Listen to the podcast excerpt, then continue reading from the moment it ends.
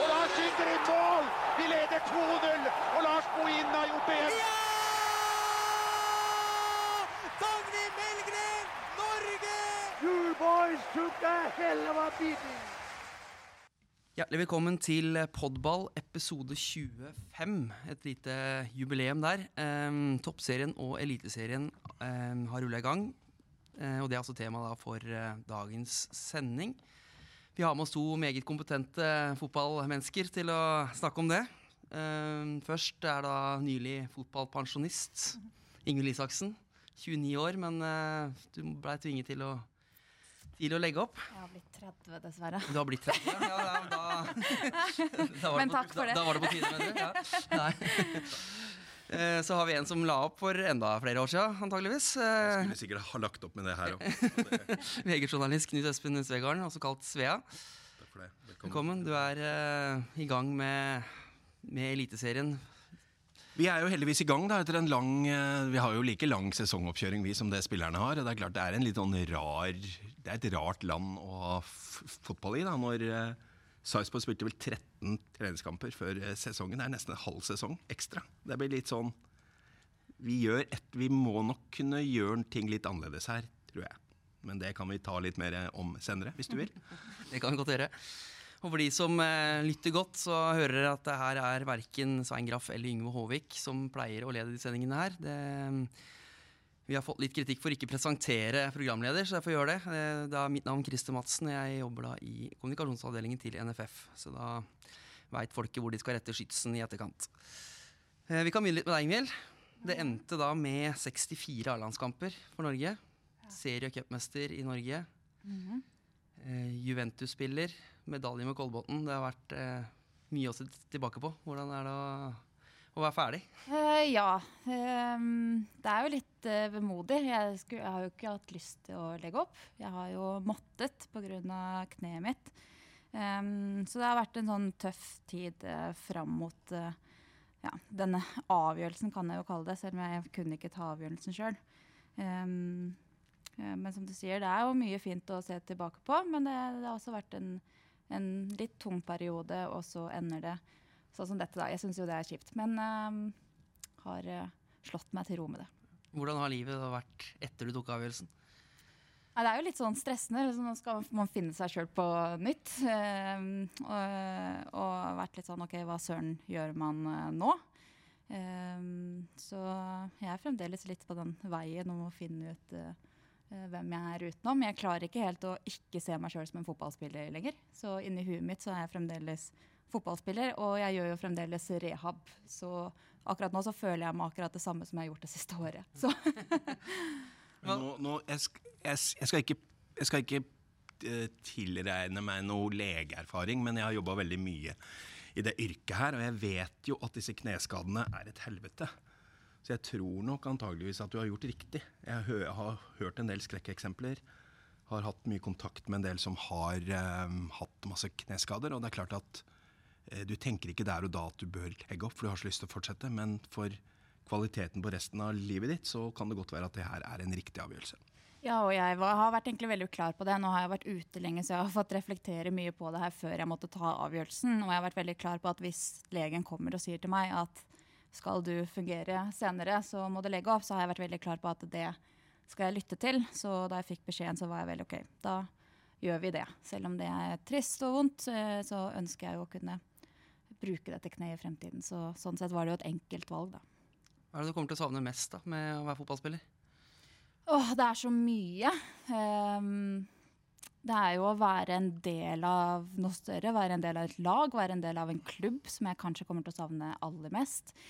Um, og det å jobbe så hardt for noe, eh, som man gjør over lengre tid, og det å liksom oppnå ting man jobber skikkelig hardt for, det, det er en følelse som er så ekstremt god. Da. Um, så jeg liksom klarer ikke helt nå å se for meg hvilke lignende situasjoner man kan komme i for å få de samme følelsene. Um, så jeg tror det er fellesskap og det å jobbe så hardt for å få til noe, er kanskje det jeg kommer til å savne aller mest. Da. Hva er det du husker eh, best fra karrieren din? da? Eller hva sitter igjen sterkest? Um, det er jo mye. Um, skal jeg liksom sette den største opplevelsen, så må det jo være EM 2013. eh, som er liksom det skal jeg skryte på meg noe, så er det det mesterskapet der. Eh, men ellers så er det liksom veldig sånn Det er små minner. Eh, det kan være en enkeltkamp hvor vi kanskje har slitt en periode, og så løsner det litt. og liksom jeg sitter med sånne følelser som ikke trenger å være det helt store. Det trenger ikke å være et seriegull, det trenger ikke å være cupgull, men det kan være én kamp hvor bare I dag fikk vi det til. Mm. Um, og jeg tror jeg sånn, sånn har jeg vært hele veien. Det å uh, klare de små oppgavene man leter etter å få til, de har jeg satt så utrolig pris på. da. Uh, så er det jo kjempekult hvis det ender med også med et seriegull. Um, men for meg så er liksom det å få til fotball uh, er liksom det største for meg. Men sånn innspill uh, mm.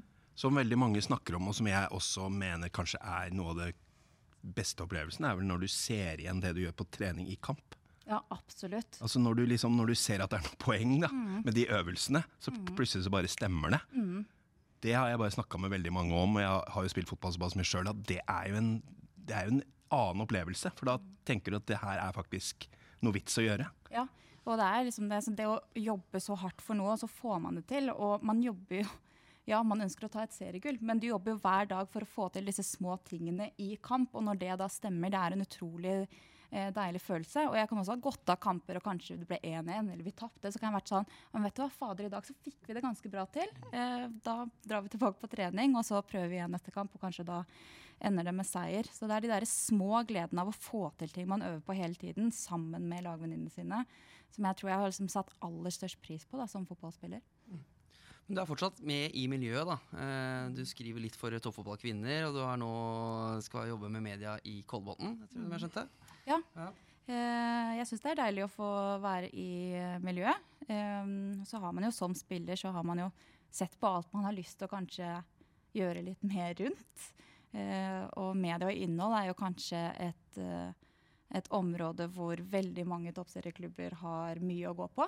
Eh, så det er veldig gøy for meg å få komme inn med tanker egentlig som en fotballspiller, eh, og se litt på hva vi kan gjøre for å øke engasjementet rundt laget. Da må dere finne de gode historiene og selge, altså selge det inn til oss. Ja, for det er sånn... Vi har ikke sjans til å ha oversikt over det. Og det, der tror jeg folk bommer litt i, mm.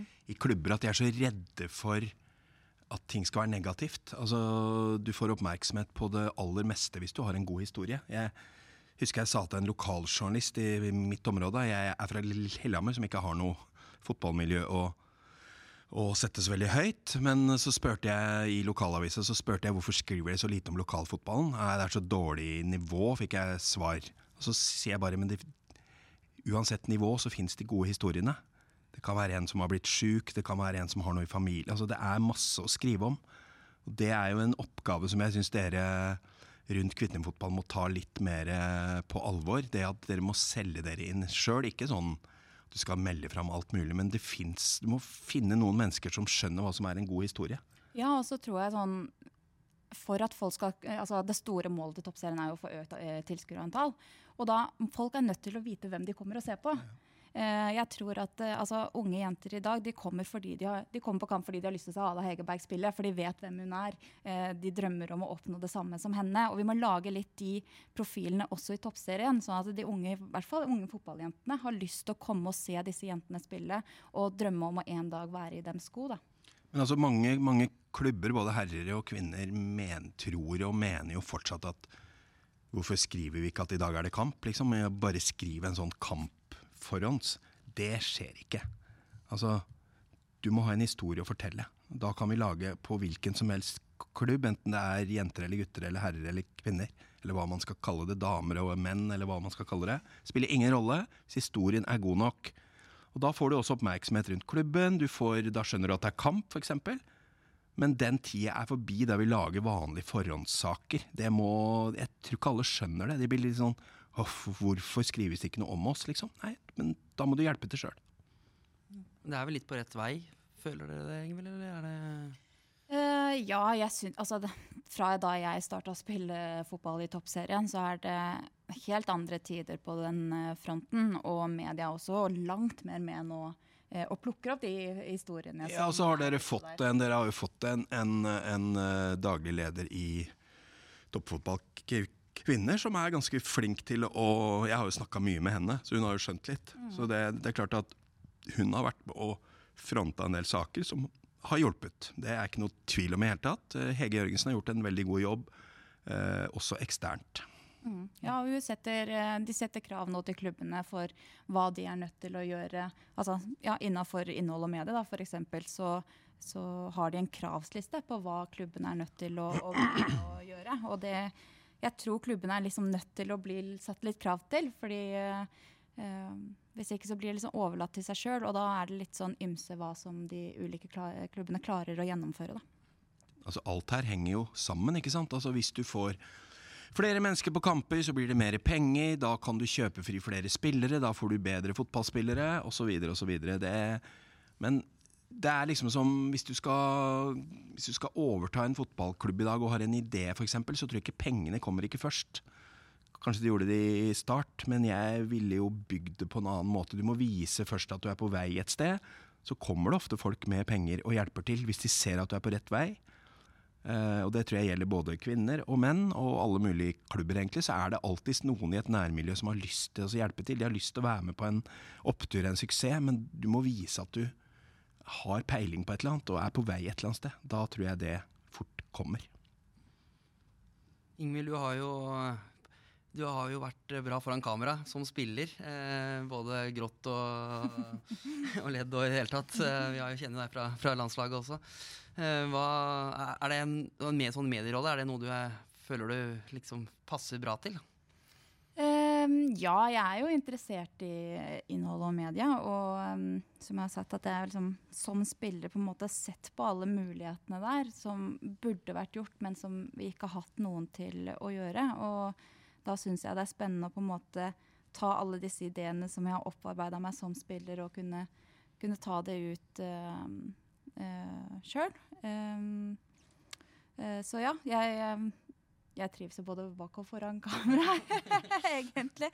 Men uh, ja, jeg tror det blir en spennende, spennende tid. Og ja, ja, jeg har mye å lære, og jeg tror jeg også kommer til å lære mye i den perioden og utvikle meg sjøl på det området. Så får se litt hvor det bærer. Vi skal komme litt tilbake igjen til uh, toppserien etter hvert. Uh, litt om Eliteserien, som starta i helga. Og det er jo en kamp i, i, i kveld, da, uh, mandag. Svea, hva sitter du igjen med etter den første helga? Nå var jeg på kamp. Nå var jeg på uh, Valle Hovin og så Vålerenga på lørdag. Og jeg var i Sarpsborg i går og så Sarpsborg-Molde.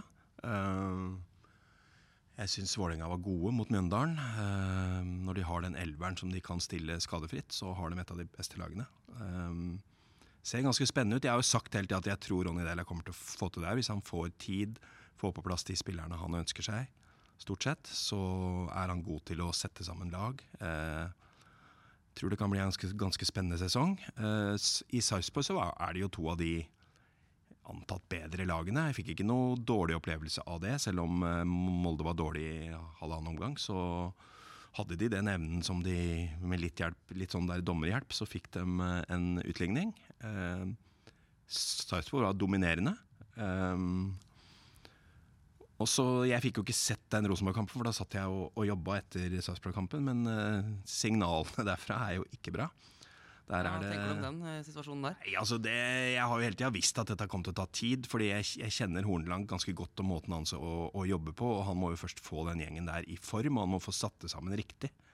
Han vil jo gjerne spille en litt annen type fotball enn en streit 4-3-3 Bodø-Glimt, som egentlig har overtatt den merkelappen der. Eh, det er jo faktisk de som har holdt på lengst kontinuerlig med det systemet nå. Eh, selv om ikke folk kanskje tenker over det, så har jo Rosenborg vært innom 4-4-2 i noen perioder. Så han har en stor jobb å gjøre, men eh, jeg er ganske sikker på at eh, det kommer til å bli bra etter hvert. Han er en veldig flink fotballmann som jeg har veldig stor tro på at kommer til å få det til. Men det kommer litt an på omgivelsene. Det gjør det alltid. Får han ro nok? Spørsmålene begynner jo etter én runde, da, selvfølgelig. Når det, ja, når det er såpass dårlig da, som jeg har skjønt at det var, skaper nesten ikke en sjanse. Mister ballen på alle mulige områder og ser litt sånn ja, for å dra en sammenligning, så så den litt ut som, eh, som LSK mot Barcelona. Ja. Og det var ikke bra. er det noe som overraska deg i første runden der, da? Uh, det første runde er liksom vanskelig å vurdere noen ganger, for da er det så mye entusiasme hos de nyopprykka. Men det er klart at det er, det, er, det er, viktig for en klubb som Viking at de i hvert fall kommer i gang eh, holder nullen. For de har jo eh, sluppet inn altfor alt for mange mål, selv når de rykka opp. Det er jo kjempeviktig. Eh, nyopprykka Mjøndalen hadde jo den, en av de vanskeligste motstanderne. Altså bortebane mot et såkalt topp fem-lag, det er jo en av de vanskeligere oppgavene. Litt skuffa over Brann, for så vidt, som med det solide defensive spillet de hadde hele forrige sesong, slipper inn tre mål. Det er ikke bra. Du tipper jo da Det er jo da denne VG-loopen som uh, som er før sesongen. det blir spilt én serierunde, og så ser du kampene, og så tenker du at Pokker, tippa jeg feil, eller eh, tenker du at det er så tidlig at det har null å si? Det er nok, det er nok mer andre som kommer med disse. jeg jeg syns det er like morsomt hvert år. Der folk konkluderer jo etter hver runde. Nei, det går ikke, og nei, nå går det, og alt sånn. Du, du må i hvert fall vente til Jeg begynner å tenke sånn når det har gått ca. ti runder. Da har det gått en tredjedel. Da kan du begynne å se en tendens. Uh, før det skjer veldig veldig mye forskjellig. Men altså, folk må få lov å ha sine egne meninger. VG-loopen er på en måte mye en et vårtegn, en slags det, jo, det, som er det viktigste for oss, er at vi får presentert alle 16 lagene på en grundig måte. Med spillerstall, hvordan de spiller, nye og gamle spillere, hva trenerne har gjort. Eh, hvis folk hadde visst hvor detaljert vi går til verks før vi lager det. Så det er ikke alltid du ser det på, på sluttresultatet. For det, noe av problemet med den VG-loopen er at den har ikke noe åpning for hva du har på følelsen. Den er veldig sånn detaljert på tall. Du må vurdere lagdeler. Det er veldig vanskelig da å få inn en sånn feeling for hva som egentlig kommer til å skje. Så for å si det sånn litt stygt, det hender at jeg skriver opp det jeg egentlig tror, og så legger jeg i en skuff. Og det hender at det blir mer riktig. Hvor mye jobb er det med, med VG-luppen? Det er jo ganske detaljert. Det går til verks. Ja, det, det, er sikkert veldig vanskelig for folk å skjønne. Folk tror sikkert at ja, det skrives vel bare én hver dag, da, dagen før den kommer på trykk. Eh, jeg har jo holdt på med det her i to måneder. Mm sett utrolig mange kamper, snakka med utrolig mange mennesker. Og så må det Det er jo så detaljert, ikke sant. Og du Og etter at det kommer flere og flere utenlandske spillere med litt kompliserte navn, så tar det faktisk litt tid å få det riktig òg. Eh, høres sikkert veldig dumt ut, men det er skrivemåte er jo eh, Det er vel ikke noe som irriterer folk mer enn at navnet ditt blir skrevet feil. Det vet du sikkert mye om, Ingvild. Uh, Ingrid er oppe igjen. Ja, ikke sant? Ja, men, men altså det, det, er en, det, er sånne ting som vi må tenke over. da. Alder på folk. Uh, ja, det er så detaljert. Og dette er ikke noe unnskyldning, for det er kjempegøy å jobbe med. Og jeg har gjort det i veldig mange år, så jeg klarer å ha en rutine. Men uh, det er en ganske omfattende jobb, og vi er bare to mann som gjør det. Altså Jeg har faktaguru Geir Jua med, med, med, min side, og det er jo kjempeviktig. Og så har vi selvfølgelig folk som setter dette her sammen. da. Ingvild, du, jo, du, har jo spilt i Stabæk. Mm. De er tippa relativt langt ned da, eh, denne sesongen. her. Hva, hva ja. tenker du om de i år?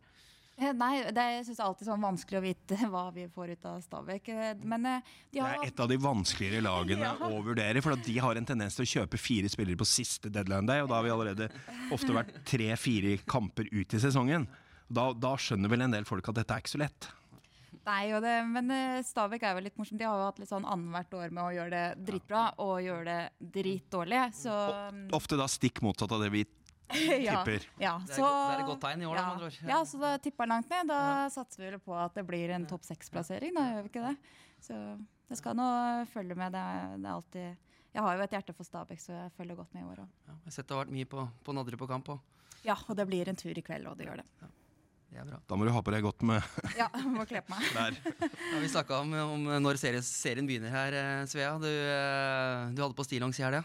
Eh, ja, og det er klart at de opplevelsene fra første serierunde som vi har diskutert litt før vi kom inn her, de er jo litt sånn De er litt blanda, for å si det sånn. Noen av de sterkeste opplevelsene er jo fordi jeg husker at de omtrent ikke klarte å få fingrene i, i, i, gang til å skrive. Så det er, og det er jo dette evige dilemmaet. Når skal man starte, og hvor nå skal man slutte sesongen.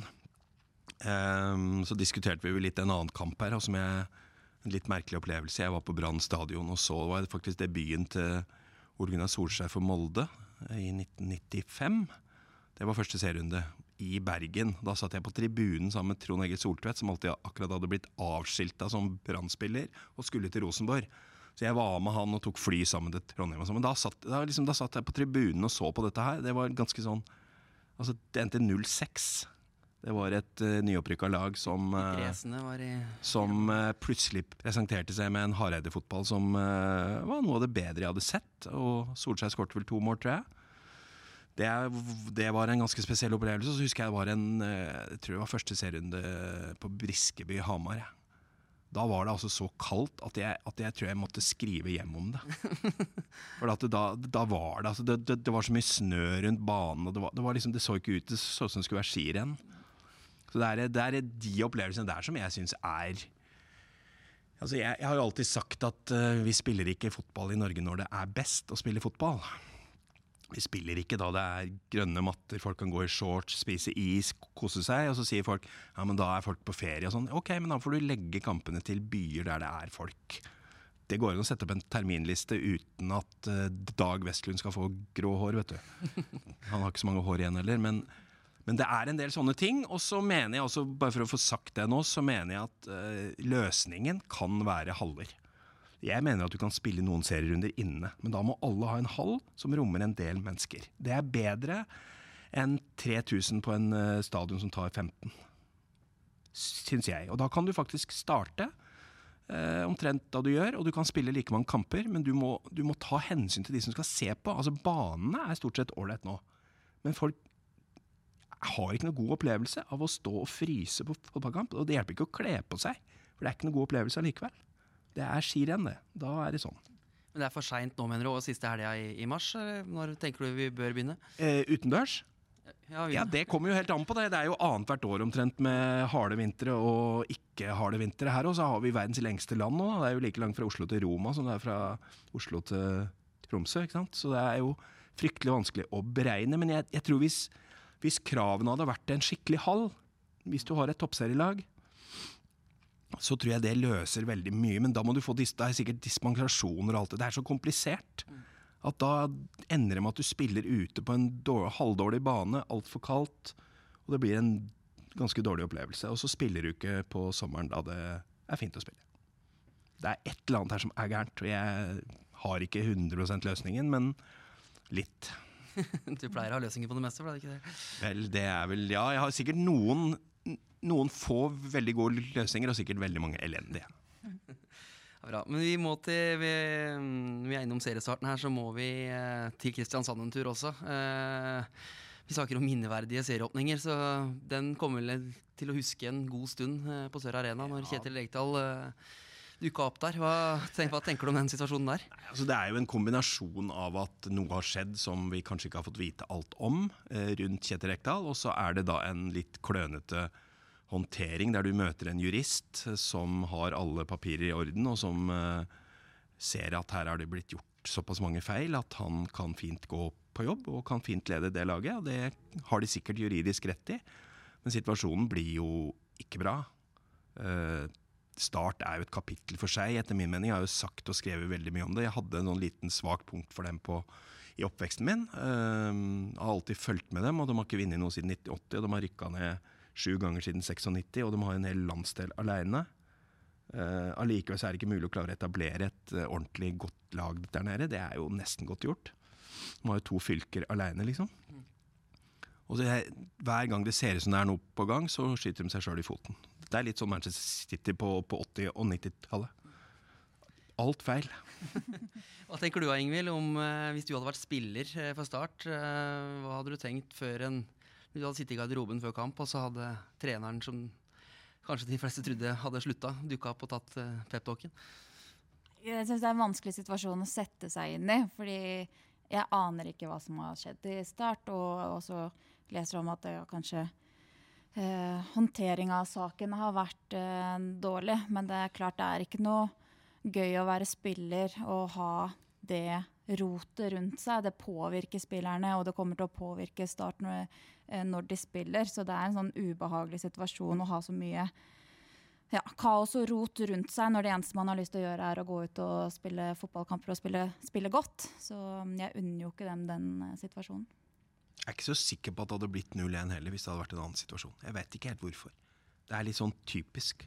Kommer en sen scoring mot akkurat i en sånn kamp da det er jeg tror Ingvild har helt rett. At uh, selv om spillerne selvfølgelig sier at nei, vi, vi, gjorde det som vi pleier, og når vi gikk utpå her, så er alt i orden. Men det er ikke det.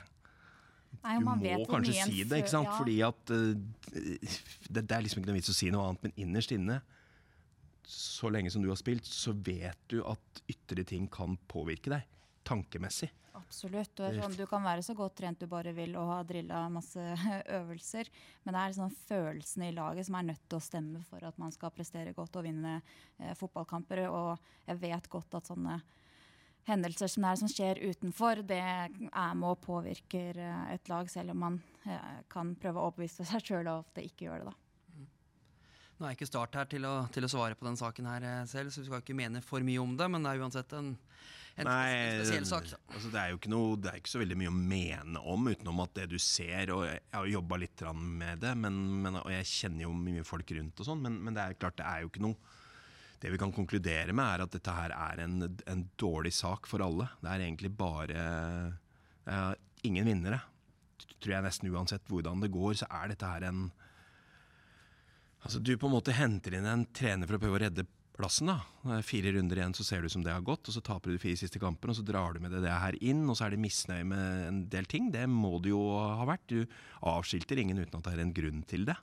Men det må ha vært kommunisert veldig dårlig. Um, jeg skjønner at trenerforeningen reagerer. Det er ikke gitt noe varsel, det er ingenting. Det er litt sånn som i Sammenligner litt med det som skjedde i Trondheim på en måte òg. At det er klart at du kan du kan varsle litt i forkant og si at nå er det ikke helt bra her, ta et møte. Eh, det går an å gjøre ting litt mer ordentlig, selv om liksom fotballen skiller seg ut fra andre yrker. Så går det an å gjøre det litt likere. Det går an å følge litt lover og regler, og du må liksom si fra til folk hvis det er noe du Så kan det være at ting, de har samla opp ting, da, men så kommer det bare plutselig ut. Altså Det er litt sånn Det er ikke godt håndtert. Det kan vi vel være enige om det er ikke noe sterk mening å si at det burde vært håndtert litt bedre. Det er lov å si. Vi skal bevege oss litt over til toppserien. Der har det blitt, spilt uh, to serierunder. Uh, Røa, Klepp og Vålerenga står med full pott. Uh, hva tenker du Ingvild om, om, det vi har fått sett i, i de to første helgene der? nei, det er jo litt som blir sagt her, at det er vanskelig å konkludere så veldig mye etter de første rundene. Men det som kanskje overrasker mest, er jo at LSK ikke er på topp med, med seks poeng. Og mista poeng! Og mista wow. poeng. Eh, tro det eller ei. Eh, men de, de var jo nære i kamp én å miste poeng òg, faktisk. Ja, ja. Eh, det er jo et svakt kvarter der av Kolbotn som gjør at eh, LSK faktisk stikker av med seieren eh, til slutt, etter å ha ligget under 3-1. Eh, jeg tror ikke disse kampene har så mye å si for hvordan det ender. Jeg tror LSK kommer til å være på topp uh, uansett. Uh, men det er klart det, det, de ser litt rystet ut etter det her eh, europamøtet med Barcelona. Um, og det har vært fire kamper. Men sesongen har nok blitt påvirka av de kampene. Det er klart Absolutt. at som, som jeg liksom vet fra de eliteserielagene som har vært i samme situasjon, da, så er det klart du må legge opp sesongen litt annerledes. Og det har nok antageligvis LSK også gjort her. Ja, og LSK har nok brukt mye tid på å øve inn noe som de egentlig ikke ville øvd inn på. Ja. Eh, hvis de bare hadde hatt toppserien å tenke på, for de visste at de kom til å møte et godt lag. De var nødt til å eh, drille mer defensiv struktur, de var nødt til å øve mer på overganger. Noe som de egentlig ikke har vært nødt til i toppserien på mange, mange, eller helt siden de begynte å vinne toppserien. Um, så det er klart de har hatt mye fokus på noe som de nå ikke trenger å bruke lenger. Uh, og da må de på en måte bruke litt tid til å finne tilbake til seg sjøl og det offensive spillet som de er så gode på, men det, det kommer til å komme. Så litt sånn, Det har litt med dette såkalt fokuset å gjøre. Og hvis du så på Sarpsborg i fjor høst, når de begynte å komme inn i Europaligaen, så forsvant jo ligaen fra deres minne. De tapte vel var de sju kamper etter hverandre eller et eller annet sånt nå. Det er nok litt sånn her og at fokuset har vært så veldig på de kampene, fordi at du har en anledning til å på, på, på en måte vise det fram, markere norsk kvinnefotball ute.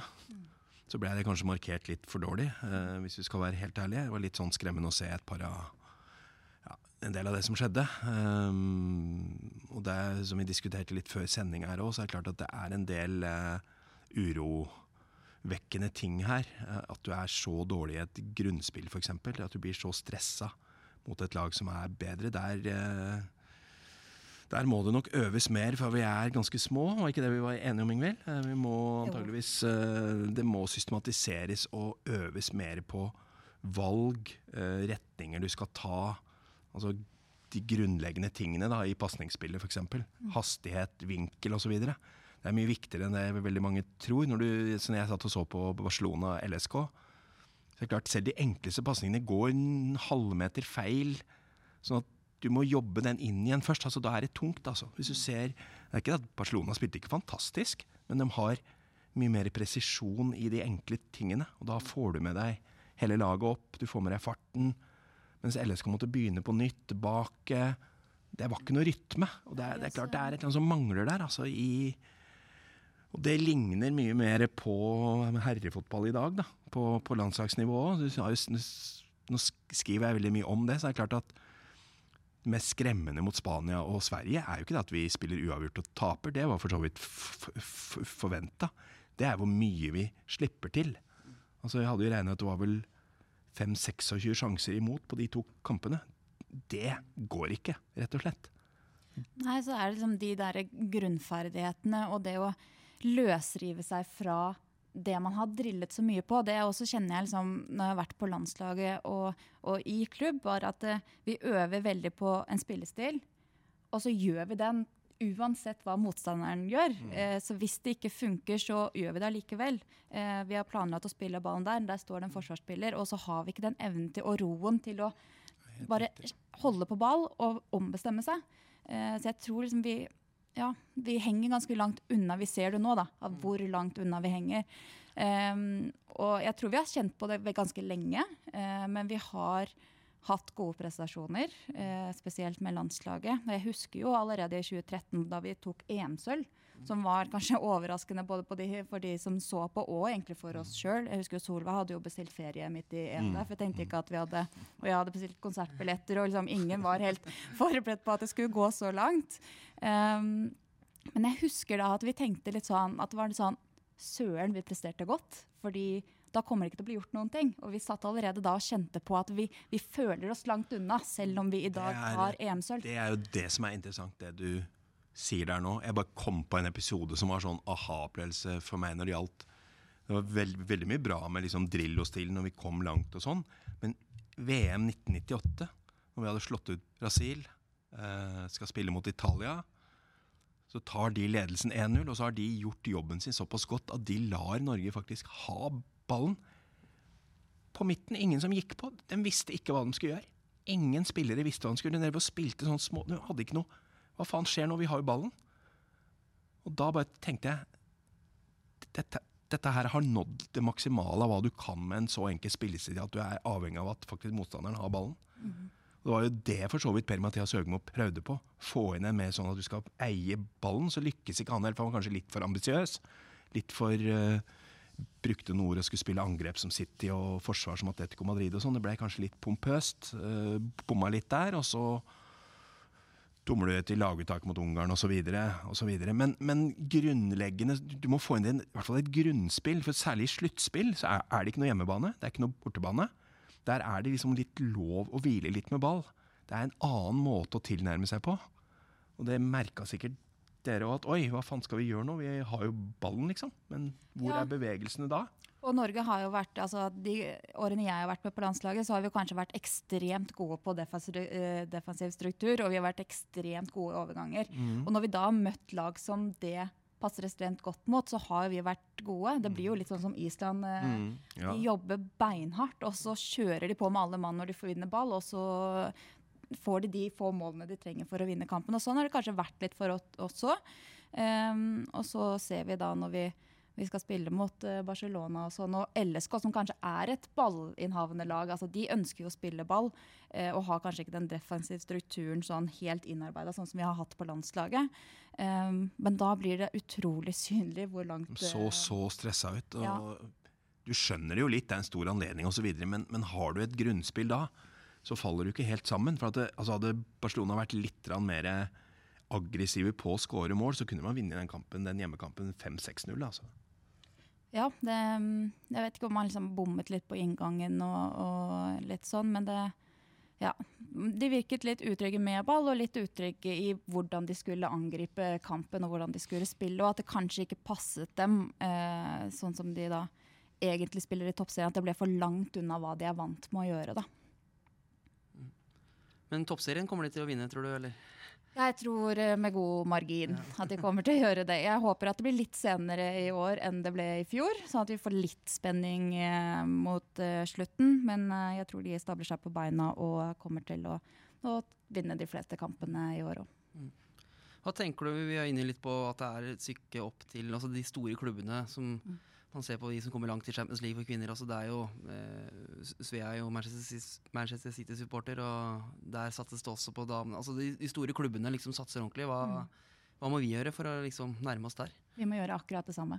De store klubbene i Norge er nødt til å satse på jentene for å, å ja, i det hele tatt. helt riktig. Ja. Det har jeg etterlyst lenge. Og jeg, jeg skjønner ikke motviljen mot at Rosenborg skal ha et kvinnelag. Eh, du må bare komme i gang med det. Altså nå, Manchester United var vel de siste som starta nå. Eh, og her har vi ja noe av problemet da, som vi diskuterte litt før sending her. og at for mange mange år siden, var, når, når det ble satsa litt på kvinnefotball, så var jo Norge en av de nasjonene som satsa. Så vi så ut som vi var altså, Eller vi, vi, vi var jo aller best, eller blant de aller beste. sånn Vi vant OL, vi vant Altså, vi har vunnet såpass mye for mange år siden eh, at da på en måte det sammenlignes litt med det, da. I motsetning til liksom herrene som aldri har kommet noen vei. Derfor er 90-tallet med en åttedelsfinale fantastisk. Og komme til tre sluttspill på, på åtte år. Eh, nei, på seks år. Eh, men for kvinnene så har de noe å forsvare. Fordi det blir alltid samme jam. Vi vant jo OL-gull med Høgmo, vi vant VM. ikke sant? EM, jeg husker jo tilbake til Trude Stendal, som var god på Ullevål her i en eller annen finale. Eh, så har, måte, så har de andre begynt å satse, da, og de har bedre økonomi. Eh, kvinnene har blitt hengende etter. Eh, sikkert veldig mange grunner til det, men det er jo ikke nok mennesker på kampene som gjør at du får ikke den økonomien du skal. Du får ikke kjøpt fri spillerne nok. Altså det, alt henger sammen. da. Det er der du må. Du må komme deg inn på Sånn at du klarer å få trent mer, rett og slett. Både lagmessig og individuelt. Du må rett og slett øve mer. Det er, eh, det er vel som Tom Nordli sier, det er gratis å øve. Det er det jo for så vidt òg. Men samtidig så må du ha et system som, som gjør at du kan bli bedre her, da. Og det handler også om økonomi. Ja, og det er uh, veldig mange av jentene er jo nødt til å gjøre noe ved siden av. Altså, jeg vil tippe at 99% av jentene i toppserien enten jobber eller studerer. Um, og jeg har gjort begge deler. altså Både studert 100 ved siden av og prøvd å på en måte karre meg gjennom det å være en eh, 100 fotballspiller. Uh, og det er ekstremt stor forskjell å komme på trening etter å ha vært på seks timer på forelesning enn hvis jeg har fått lov til å være hjemme, lade opp, spise god, ordentlig mat. Eh, det, er liksom, det er natt og dag. Den energien man kommer inn med da, hvis du får rom til eh, å lade opp til trening, eh, kontra det å være 100% student, er ekstremt, altså den forskjellen er så ekstremt stor. da. Men dere føler at det er litt på, på rett vei her også, med både at det er sponsorer som har kommet inn, NFF satser mer altså, Ja, jeg syns eh, entusiasmen rundt oss er ekstremt mye større nå enn det det var før. Både i toppserien, men kanskje spesielt altså ut av Europa. Og vi har spillere nå som er i store klubber, og som presterer ekstremt godt. Ada på en måte var den første som, eh, som viste seg internasjonalt. Vi har Carro i Wolfsburg. Maren Mjelde skårte nå liksom det avgjørende målet i en kvartfinale i Champions League for Chelsea. Altså, det er så store, tunge navn. Og interessen rundt dem er enormt stor. Og jeg kjente, altså Juventus nå, som, også, som jeg selv har vært i, og som eh, la jentene spille på Allianz Arena, og de selger ut eh, altså Allianz Stadium, og de selger ut, og det kommer 39 000. Og jeg tror liksom at navnet er med på å skape fordi at folk holder med disse lagene allerede. Og så kommer det inn et damelag, og de blir med på den entusiasmen. Og den entusiasmen som lagene da viser utad. Juventus de satser ordentlig på jentene sine. Chelsea gjør det samme. Eh, United ønsker å gjøre det samme. Altså det, Hvis eh, Trondheimsørn hadde hett Rosenborg, så tror jeg det allerede hadde kommet flere mennesker på kampene. Det tror jeg. Jeg tror Ingrid har helt rett. ja, og jeg tror det er ekstremt mye mer det har mer litt å si, altså at du liksom Og litt sånn jøss, nå satser de på det. Da må vi se hva det her er for noe. Det er jo nok fotballspillere i Trondheimsområdet. Det er ikke det det går på. Eh, nå har du jo fått her har du jo både LSK, du har Vålerenga. Men du må ha med Brann, Viking altså Du må ha med de store. Det var, det var tyske diskusjonen rundt liksom hockey nå i, i sin tid. at du måtte ha med flere enn bare Indre Østland. Du må få utbredelse i de store byene. Du må ha med Trondheim, Stavanger, Bergen. Eh, det er litt det samme her. Ja, og så er det litt sånn, De gjør ikke dette her for å være greie mot jentene. De ser en enorm markedsverdi i å ha et damelag. Eh, så dette er ikke noe sånn goodwill fra de store klubbene sine side.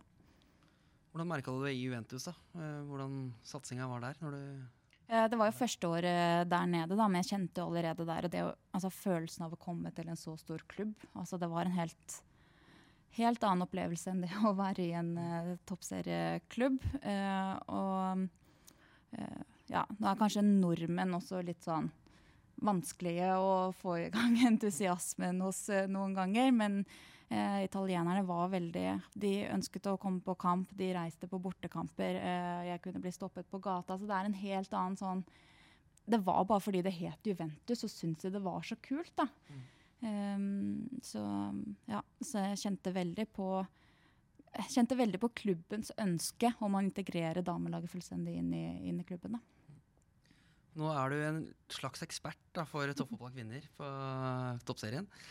Eller? Det... Eh, ja, det startet jo sånn. Eh, nå har det sånn, I og med at jeg da har fått jobb i Kolbotn, Mm. så er det mulig at disse to eh, rollene blandes litt. Så det kan nok hende at det Mm. Blir Ja, kun Kolbotn, fremover. Ja. Men du skal uansett få lov til å gi ditt tips til toppserie, årets toppserie. da. Hvordan tror du det ender? Hele toppserien. Ja, eller i hvert fall sånn eh, hvem tror vi kjemper i toppen og, Ja. Og bunnen. Jeg tror jo LSK vinner. Um, Klepp eh, ser ut som de har starta bra fra i fjor, og de beholdt en god stamme, så jeg tror at de kommer til å være der oppe.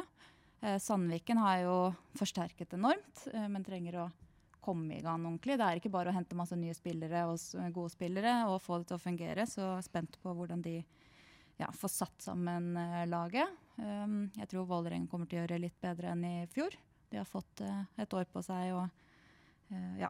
Eh, tror kommer de ja, å være i toppen der. Um, ellers så syns jeg det er sånn vanskelig å sortere ut lagene, men jeg, eh, jeg tror eh, Lyn, Fart og muligens Stabæk.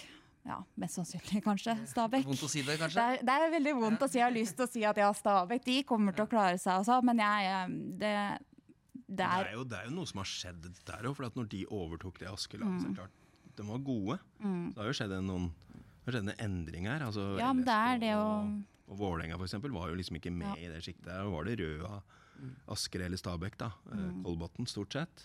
Ja, men det er det når du liksom eh, Stabæk slet jo veldig med at det har vært et generasjonsskifte. De hadde jo ganske mange eldre eh, fotballspillere. Som, det er mange av de som spilte der i 2009 som nå har lagt opp. Um, og det er jo det liksom problemet at eh, når du mister gode spillere, så er det liksom ikke bare å hente ny. Eh, og det er det kanskje Stabæk har slitt med, at hvert år så mister de kanskje noen de er helt avhengig av, og så klarer de ikke å erstatte. Og sånn har det gått på meg. Litt ned, litt ned, litt ned hele veien. Og nå er det så ungt eh, at Men, eh, men, men, men altså, det her kan ikke jeg nok om, men altså, talentutviklingen på herresiden der er jo fantastisk. Jeg har jo vært der mye og sett hvordan de jobber med det. Gjør de ikke det på kvinnesiden? Jo, eh, de, ja, de har jo ikke vært på samme nivå som det herrene har vært, eh, men de har kommet mye bedre i gang nå, og vi har ekstremt gode Stabæk-lag. Eh, regna med det. skjønner Det er jo mange- på en måte gjelder begge, hvis ja, du først så de er jo alltid med med mot slutten av cup, altså i NM. Eh, og alle, nesten, ja, alle de unge hos Stabæk nå er jo hentet fra egne rekker. Mm. Um, så det er vel og bra, men det som blir problemet er jo at når de kommer opp som 15-16-17-åringer, og så er de nødt til å gå rett inn i elveren og styre en midtbane i toppserien, og det er altfor tidlig, da. Det er jo litt det samme med, med herrene. For når vi skulle sette opp en mulig Stabæk-elver før sesongen, så fant vi jo en midtbane der snittalderen var 19 år, da. Eller 18. Ja. Ikke sant? Du hadde Brine Nilsen, Bohin, Vetlesen og jeg husker ikke hvem som var den siste, men det var i hvert fall fire unge som du kan sette opp. da. Nå blir det vel stort sett ikke det, men, men det er veldig vanskelig da, å vinne mye med bare ung- unggutter. Det er jo på en måte bevis, selv om selv om eh, Manchester United mente kanskje at de motbeviste det med den der eh, 92-årgangen, så var jo det fordi de hadde Cantona, Keane, Schmeichel osv. Det, var- liksom ikke elleve unggutter. Det er blitt en sånn myte, det òg. Så du kan ofte ha inn noen, men uh, som du sier, hvis, det, hvis hvis damelaget skal være bygget på at de som er 17-18 skal ta hovedansvaret, så vil ikke det gå. Nei, og det er sånn synd nå. Jeg kjenner hvor glad jeg har vært for å på en måte Jeg kom inn i Kolbotn da Kolbotn var Norges beste mm. lag. Og det å ha noe å strekke seg etter, og det å måtte kjempe om å få spille eh, og det, liksom, det tok meg tre år før jeg det hele tatt var i nærheten av å være fast i elveren hos Kolbotn. Og jeg, altså jeg setter så pris på det, at jeg har vært gjennom den perioden hvor du ikke bare sånn blir tatt opp, blir satt innpå og, og spiller toppserie. Og jeg tror at det også kanskje er noe av grunnen til at veldig mange slutter tidlig. Fordi at de har spilt fast siden de var 16-17 år. Og eh, hvis du da på en måte holder på lenge, du har dårlig inntekt og dårlig råd, eh, kanskje du ikke har noe landslag å strekke deg etter, så blir det ekstremt vanskelig å holde på disse. da. For de går lei, og de går kanskje ikke lei, men det er en vanskelig hverdag å få til å gå rundt, og da velger man ofte å på en måte bytte bort fotballen. da. Du var inne på Kolbotn der. Eh, Hva tenker du om de? De har gått på to tap nå, men det er mot LSK Kvinner og Vålerenga da, i kamper de har leda. Hva tenker du om, hva kan de oppnå i år? Eh, Jeg tror eh, de kan uh, henge med ganske høyt oppe. Um, jeg ser tendenser til Altså den duoen de har på topp med Karina Sævik og Isabel Herlåsen er ekstremt god. Uh, og så er det det å eh, stå imot bak da, som blir kanskje deres største utfordring. Men jeg tror det kommer til å bli mange poeng på dem i år, og jeg veit at de er veldig skuffa over at det har blitt null. Eh, de var veldig gode mot LSK og har et svakt kvarter der hvor de da ender med å tape, og den er ganske vanskelig å svelge. Men uh, Vålerenga-kampen er også litt sånn Jeg var jo og så den, og den er veldig sånn Hawaii, Det var en sånn rar fotballkamp. Det var nesten ingen sjanser og masse brudd, og ingen klarte helt å etablere noe spill. Så uh, ja. Uh, men det er tendenser hos Kolbotn, så jeg tror at det kan bli Jeg tror i hvert fall ikke de kommer til å måtte kjempe om å unngå nedrykk. Nå blir det en ny seriestruktur da, som er vedtatt. Mm. Som er Nedrykkskampen blir jo blir jo tettere i år enn det har vært tidligere, kanskje. Eh, Hva, hva tenker du om den nye formen? Nå skal jeg prøve å holde meg litt, men jeg er ganske imot det her sluttspillsystemet. Jeg syns det Jeg syns det mister hele meninga med et seriespill, da. Det å ha uh, to kamper mot uh, hvert lag, og den som har vært best gjennom hele året, ender som vinner. Jeg syns det er uh, sluttspillsgreiene er litt sånn I tillegg så ødelegger det jo alle statistikker, da. Ja. Jeg, jeg vet nesten ikke hva jeg skal si om det engang. Jeg syns det liksom ødelegger hele sjarmen med å ha en serie. Og eh, det blir så mye regler, og det blir umulig å rykke opp. Og, ehm, og hele den pakka der. Så jeg eh, skulle ønske at vi slapp, eh, slapp den runden der. Men jeg skal ikke være altfor negativ før vi har prøvd det ut, og se hvordan det fungerer. Men eh, jeg skulle gjerne sett at vi beholdt eh, vanlig seriestruktur. Hva kan være fordelen med, med en sånn type seriestruktur, Svea, tenker du? Ska, kan jo skape litt oppmerksomhet. da. Det blir jo en del sånne type cupkamper eh, inn i en serie, egentlig. Det er jo England, for eksempel, så er det en, det er en suksess, selv om det er et helvete. Så Det er litt begge deler. Kommer litt an på hvordan du ser det. eh, Hvordan du Din tilnærming til det, da. Du må jo på en måte bare akseptere det, men samtidig så Jeg skjønner jo motargumentene. Jeg er jo veldig sånn jeg liker jo tradisjoner, jeg òg. Liker at ting fortsetter omtrent som det er, egentlig. Ehm, men prøve å tenke nytt, da. Det å få ned antallet lag er jo en kan jo være en fordel. Eh, sånn geografisk utbredelse er det jo ikke det. Mm. Det, er, det er også litt begge deler. Det fins ikke noe fasitsvar, vet du. Nei. Det er det verste. Jeg skjønner jo at de, som, altså, de gode lagene får flere kamper mot god motstand. Eh, det blir flere kanskje jevne kamper da, spesielt i toppen. Og det, jeg ser at det er et godt argument, da. Eh, sånn sett. Men jeg, de sier jo at de gjør dette for å øke kvaliteten på toppserien. Og der klarer jeg ikke helt å bli overbevist om at det skal gjøre en sånn enorm forskjell da, fra vanlig seriestruktur. Det er, er som sagt det, det, er en, det, er et, det er et forsøk på noe som ikke man vet om er smart eller ikke. Litt tilbake igjen til, til årets serie. da. Hva, hvilken, hvilke spillere er det du tror kommer til å utmerke seg mest eh, denne sesongen her i toppserien? Um, Av profilene? Eh, ja, jeg eh, Styrsteingen startet jo litt i fjor, og nå går hun til eh, Wolfsburg til sommeren. Men det er en spiller jeg har ekstremt eh, sansen for. Jeg syns hun er enormt god. Eh, så jeg skjønner at eh, Wolfsburg vil eh, ha henne. Jeg tror hun kommer til å få en sentral rolle der. Um, og så har jeg veldig troa på Karina Sævik.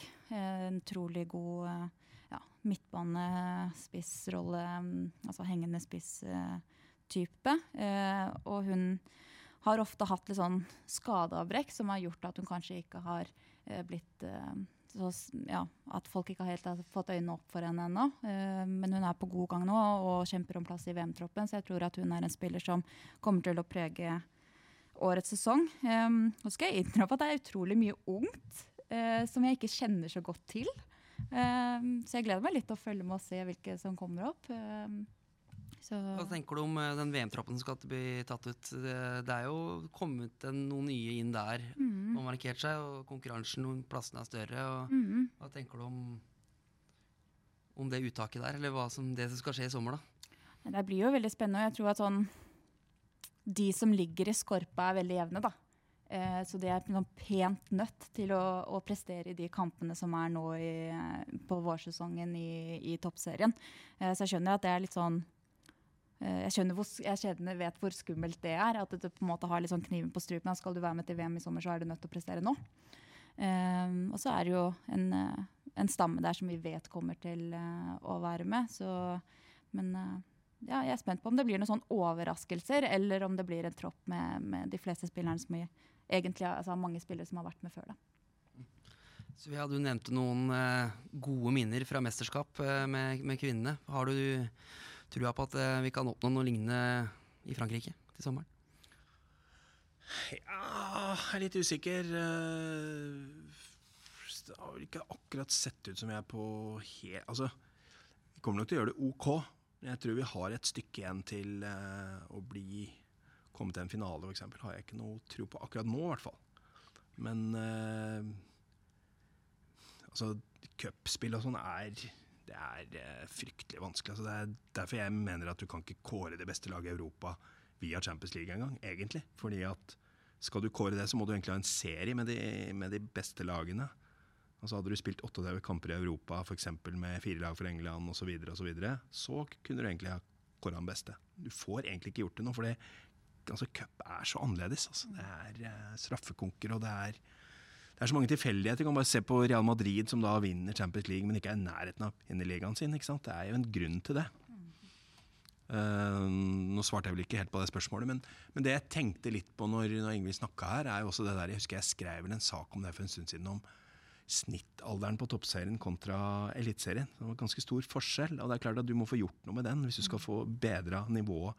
Det er kjempefint med unge spillere, men det var for Altså snittalderen er for lav. Og det har jo har vel Martin Sjøgren snakka om òg, at du må få opp eh, Hvis du skal få et bedre landslag, så må du få opp snittalderen i, i ligaen. Det hø høres veldig enkelt ut, men jeg tror faktisk det er et ganske godt poeng. Ja, og det er ekstremt mange spillere nå som kommer til å være med til VM som har lite mesterskapserfaring.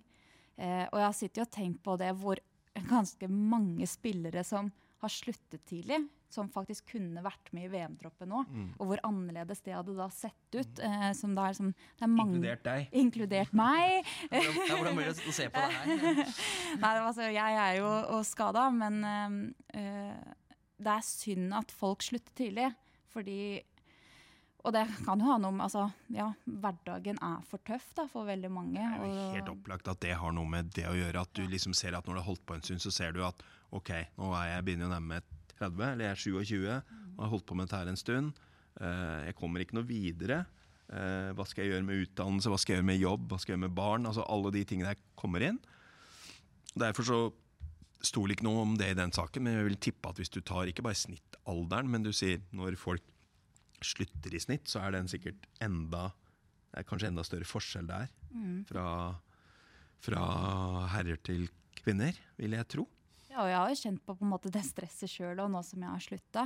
Altså, jeg har jo ikke hatt en inntekt som gjør at jeg kan ta på en måte meg frihet nå til å liksom kanskje starte å studere eller bruke tid på å finne ut hva jeg skal gjøre videre. For meg er det et kjempestress, fordi at jeg har levd så på grensa i hele min karriere at nå, nå må jeg liksom hive meg ut i en ny rolle Og da skjønner jeg at folk på min alder da blir veldig stressa. De er nødt til å ha en utdanning, for at en dag så er det slutt, og de er nødt til å gå rett ut i jobb.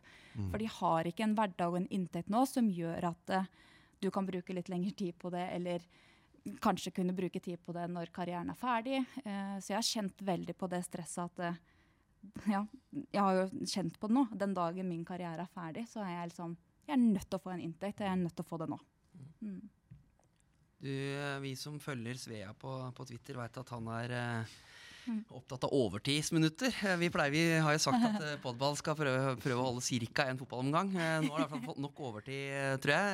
Ja, det har vi sikkert. Det er bare å, Det er bare å nok i fotballkamper, har jeg oppfatta. Nei, jeg syns jo nei, Bare for å ta det til slutt, så er det klart at ja, for når du skal inkludere det der VAR-opplegget, så må du i hvert fall Altså, det tar jo så lang tid, at, og du legger jo ikke til. Eh, det var vel en kamp jeg reagerte på nå, som jeg faktisk skrev i den der dommerkommentaren min nå. At eh, han ble faktisk trukket av meg for at han la til ett minutt i første omgang. Da det var spillere som lå nede, det var krangling, det var masse tid rundt alle dødballer. Hvorfor kan du ikke legge til fem minutter i første omgang? Er det skandale? Det blir aldri lagt til mer enn ett eller to minutter. Fullstendig håpløst i annen omgang. Da skal du plutselig legge til. Ja, da er det spillebytten i et halvt minutt per. Men det blir litt sånn derre er, er det farlig å legge til tid? Er om å gjøre å komme seg inn i garderoben? Håpløst. Det var kanskje dumt av meg å ta opp det. temaet. Det var et helt eget tema. Ja, det er helt riktig. Men, men det er jo ikke noe altså Det er jo bare en kultur som må endres. Det er ikke noe annet. Som alt annet. Kulturen må endres. Du skal få siste ord, Ingvild. med Du skal gi din tips til, eh, til VM til sommeren. Hva, hvordan går det med Norge? Det er kjempevanskelig å svare på. Og um, jeg kjenner jo jeg er litt sånn, ikke stressa, men litt sånn spent på hvor godt vi kommer til å prestere. Um, både fordi vi har et EM bak oss som gikk ganske dårlig, og kanskje også etter at vi har sett LSK Barcelona, så ser man på en måte hvor stor forskjellen er fra, fra det beste laget i Norge til det beste laget i Spania. Um, men jeg syns det er riktig av dem å gå ut og si at de har lyst til å gå for medalje, for jeg veit hvor utrolig mye det betyr at et lag har tro på at de kan gjøre noe stort. Selvfølgelig og- skal du si det. Det er ikke noe farlig, det. selvfølgelig skal man si det. Og sluttspill, altså alt kan skje. Jeg har vært med på det sjøl. Jeg har tatt et EM-sølv som ingen trodde på. Uh, så jeg er, liksom, jeg er helt enig at de skal Og gå du har ut. vært med på det motsatte, der man kanskje har Og jeg har vært med på på- nå, og det har ja. gått et rett til helvete. Ja, så jeg liksom tenker sånn det, Jeg tror de har jobbet veldig med å få opp en entusiasme og en tro i det laget på at de kan gjøre noe stort. Og det kan man plutselig gjøre i et mesterskap, så det er vanskelig å tippe, men jeg, jeg håper jo på det, da. Det håper jeg òg. Tusen takk for at dere kom, Ingvild og Svea. Bare hyggelig.